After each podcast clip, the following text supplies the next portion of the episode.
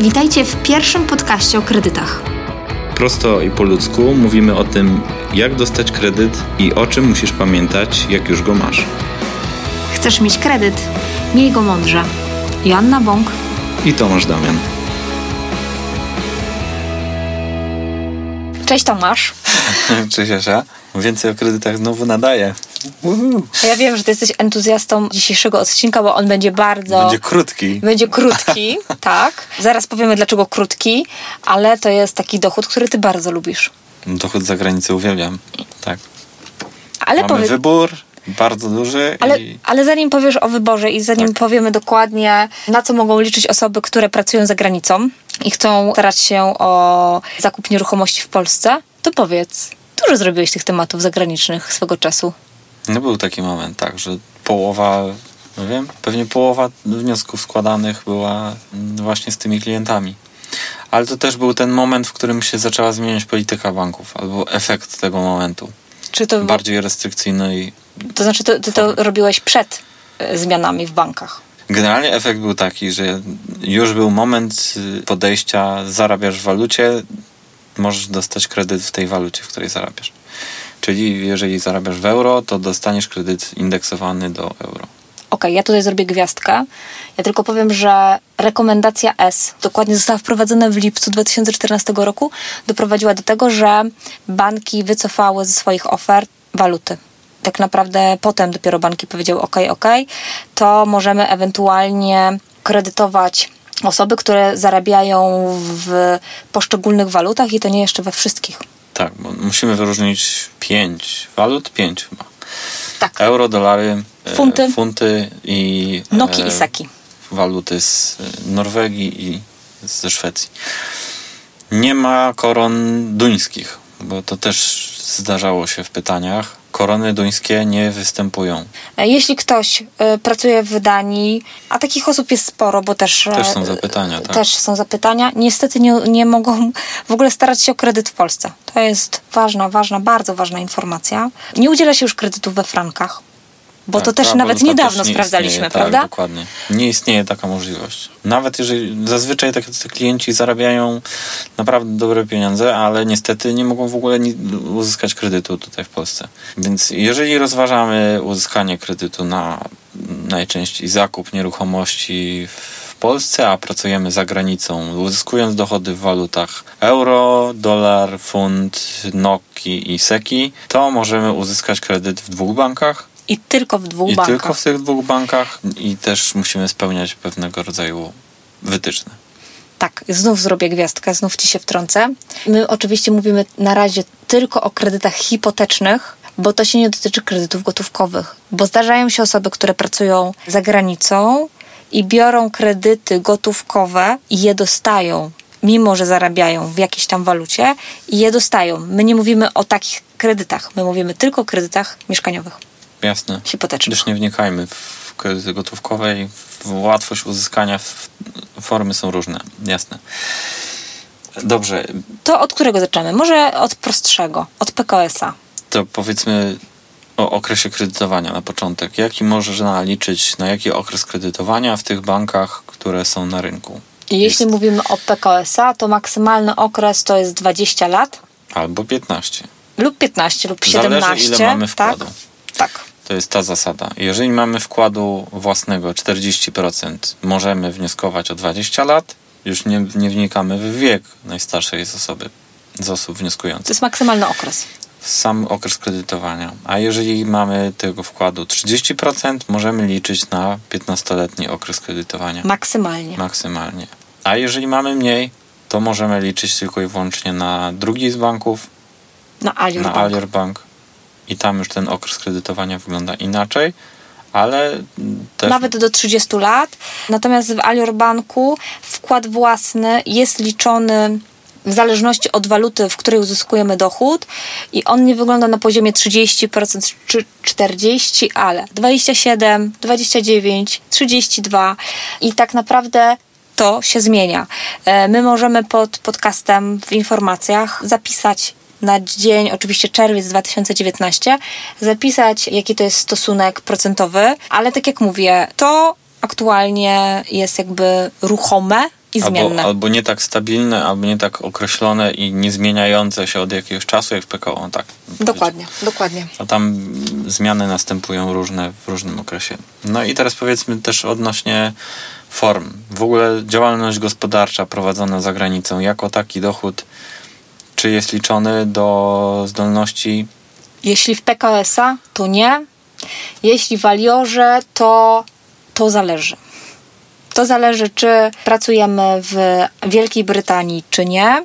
Czy jest to przejście na tą spółkę LTD z na przykład z jakiegoś kontraktu. Natomiast ym, z zasady bardzo, bardzo niechętnie Alior też przyjmuje działalność gospodarczą. Więc w dużej mierze możemy liczyć na to, że pracując na etacie za granicą mamy największą szansę uzyskania dochodu, ale też nie po pierwszym pół roku. Może być tak, że nam nie wystarczy tego okresu mm, stażu za granicą. To bardziej jest y, produkt, który jest kierowany do osób, które za granicą są rok najwcześniej albo i dwa lata najlepiej.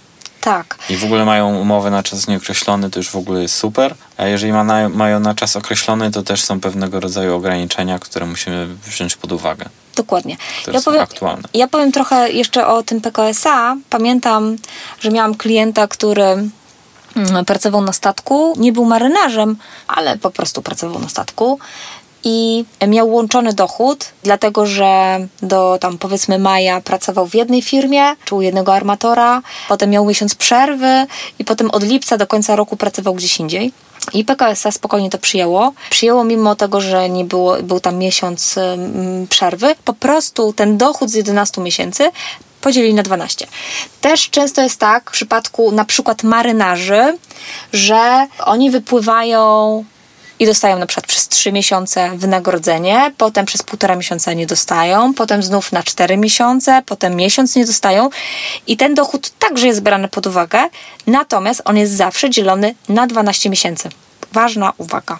Dokładnie, ale to jest specyfika marynarzy. A jeżeli jesteśmy na etacie, na umowie o pracę, zacznijmy sobie no, czas nieokreślony, czyli w sumie w dużej mierze tych umów jest dużo. Dużo. W dużej mierze są to umowy z nieokreślonym terminem. No, tam się mówi kontrakt. Inaczej się do tego podchodzi, dokładnie. Może jeszcze szybko powiem o PKSA, bo i go zakończymy, bo on jest bardzo prosty. E, że tam e, wszystko jest liczone, jakby dzielimy przez 12 miesięcy.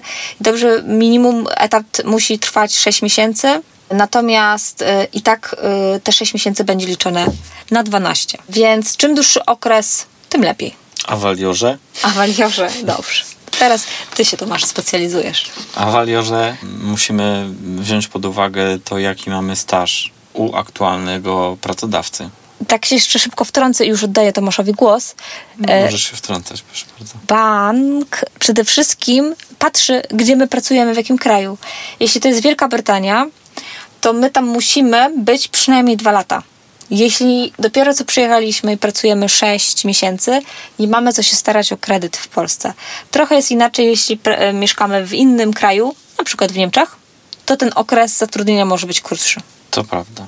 Wskazując na ten okres na czas nieokreślony przy umowach i jak jest, już jesteśmy dwa lata w Wielkiej Brytanii, to musimy jeszcze pokazać, że mamy 6 miesięcy u aktualnego pracodawcy, i w ogóle ten staż zatrudnienia w Wielkiej Brytanii, łącznie zmieniając y, ewentualnych pracodawców, wyniesie te dwa lata. Jeżeli jest to inny kraj niż Wielka Brytania, to musimy być przynajmniej pół roku i trzy miesiące u aktualnego pracodawcy. Takie jest aktualne, aktualne wytyczne co do umowy bezterminowej, takim kontrakcie bezterminowym za granicą w Alior Banku. Natomiast mówiąc o czasie określonym, musimy też wyróżnić aktualny okres przebywania w kraju i zatrudnienia w granicach 24 miesiące. Jeśli jesteśmy w Wielkiej Brytanii. Jeśli jesteśmy w Wielkiej Brytanii, w innym kraju w ramach Unii. W ramach Unii, oczywiście. My mówimy tylko oczywiście w ramach Unii Europejskiej, ponieważ zarabiamy w euro. Jasne. A w innym kraju niż Wielka Brytania 6 miesięcy okresu zatrudnienia. Tak. U aktualnego pracodawcy. Natomiast w przód musimy wyróżnić w każdym z tych krajów odpowiednie okresy. W Wielkiej Brytanii nasza umowa w momencie wnioskowania musi trwać jeszcze 8 miesięcy, a w e, innych krajach niż e, Wielka Brytania przynajmniej Trzy. 3. To w ogóle rewelacja. Tak naprawdę trzy miesiące do przodu. Jaki bank w Polsce y, przyjmie nam trzymiesięczny okres? I nic więcej nie chce. I nic więcej nie chce.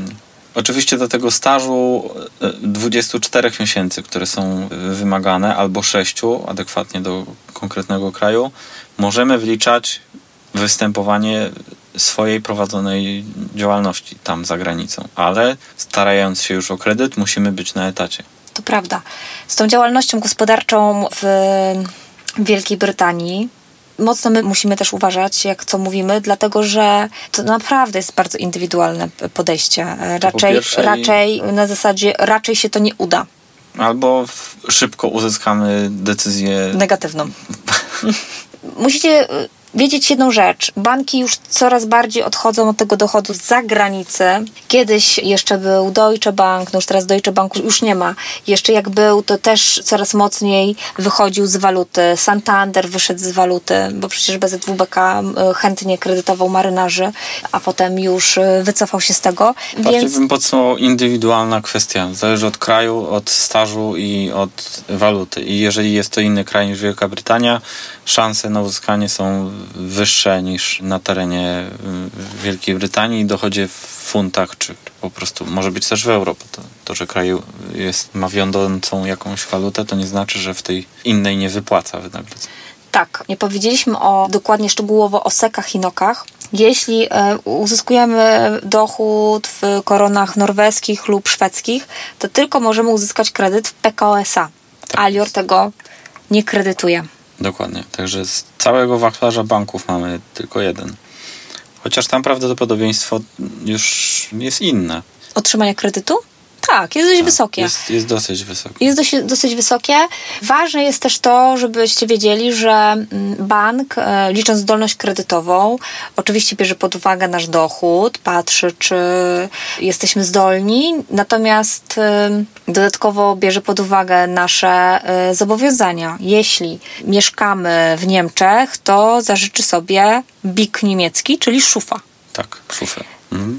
Nieważne jak się to nazywa. Ważne co to jest. E, Czyli natom- e, raport z e, odpowiedniego, odpowiednika polskiego BIK-u, tak? Który Tak. mówi o istniejących zobowiązaniach. Jeśli e, mieszkamy w Wielkiej Brytanii, to ten raport jak się nazywa? Experian też. O, To, dobrze. to w Wielkiej Brytanii funkcjonują bodajże trzy raporty. Między innymi Experian i e, w Norwegii, chyba w Szwecji też jest Experian, tylko to jest norweski. Ta firma prowadzi rejestr po prostu tych informacji. Więc mamy zobowiązania, mamy też wyższe koszty utrzymania, jeżeli chodzi o liczenie zdolności kredytowej. W związku z tym, że mamy wyższy dochód i jesteśmy w danym kraju, to też bank liczy odpowiednio wyższe, wyższe dochody tak naprawdę około 3-4 razy więcej niż e, w Polsce. Polsce, dla, dla odpowiednika w Polsce. Wspomnieliśmy o tym BIK-u, o tym raporcie zagranicznym, no to ja bym wspomniał o dokumentach po prostu, które trzeba pokazać. Trzeba pokazać zaświadczenia o zatrudnieniu, jeżeli staramy się o kredyt w Alior Banku. Wypełnione zaświadczenia w języku angielskim przez pracodawcę. Tak. Wpływy na konto. Historia w ogóle z konta. Historia z konta. Y, Najlepiej 12 miesięcy.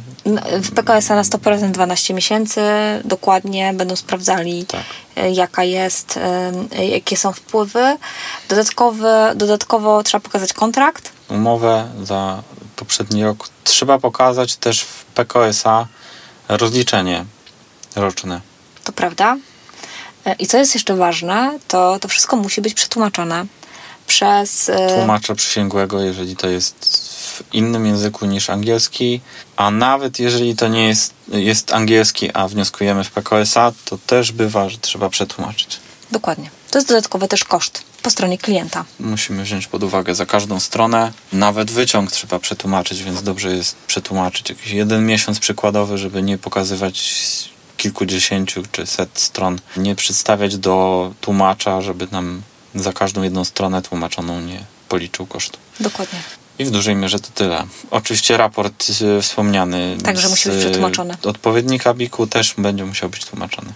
Reasumując, Dokumenty, ciągłość i dodatkowe dokumenty, z którymi się nie spotykamy w Polsce, czyli musi być zagraniczny BIK, musi być odpowiednia ciągłość zatrudnienia, więc restrykcyjność podejścia banków. To też musimy mm, pamiętać. musi być też wyższy wkład Wyższy własny. wkład, e, krótszy okres kredytowania możliwy w jednym z dwóch banków, na ten moment przynajmniej. No i oczywiście mówimy o nieruchomości w Polsce, nie mówimy o zakupie nieruchomości za granicą. To praktycznie w ogóle by nie wchodziło w grę. Musimy Tak, dla też o że- tym pamiętać. Dla porządku. dla Dobrze, porządku. To uwaga dla porządku. I to tyle. To tyle. Bardzo dziękujemy za wysłuchanie. Jakbyście mieli jakiekolwiek pytania, coś by było niejasne, coś mielibyśmy jeszcze dopowiedzieć, zapraszamy do kontaktu. Dzięki za dzisiaj.